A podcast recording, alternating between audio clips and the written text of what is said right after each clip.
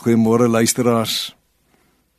Ons kyk na die gewigtigheid van Jesus se name en wat dit vir ons beteken hier in lydenstyd.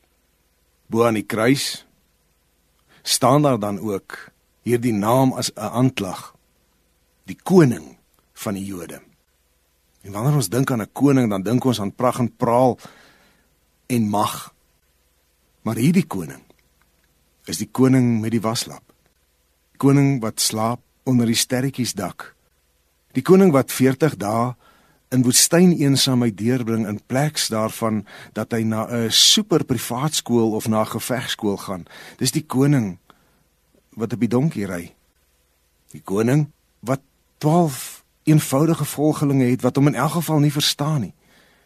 Dis die koning wat kom met seënbedes in plek van wette en proklamasies. Dis die koning wat kom met die eenvoudige wet van hê my lief met alles wat jy het en so ook jou naaste. Dis die koning wat nie gesal word deur olie nie, maar wat aan die kruis 'n asynsalwing ontvang. 'n Doringkroon en 'n spotlap. Maar dit is hierdie koning wie se troon op aarde was, sy knieë waar hy hulde gebring het aan sy Vader en gehoorsaam geword het aan sy Vader.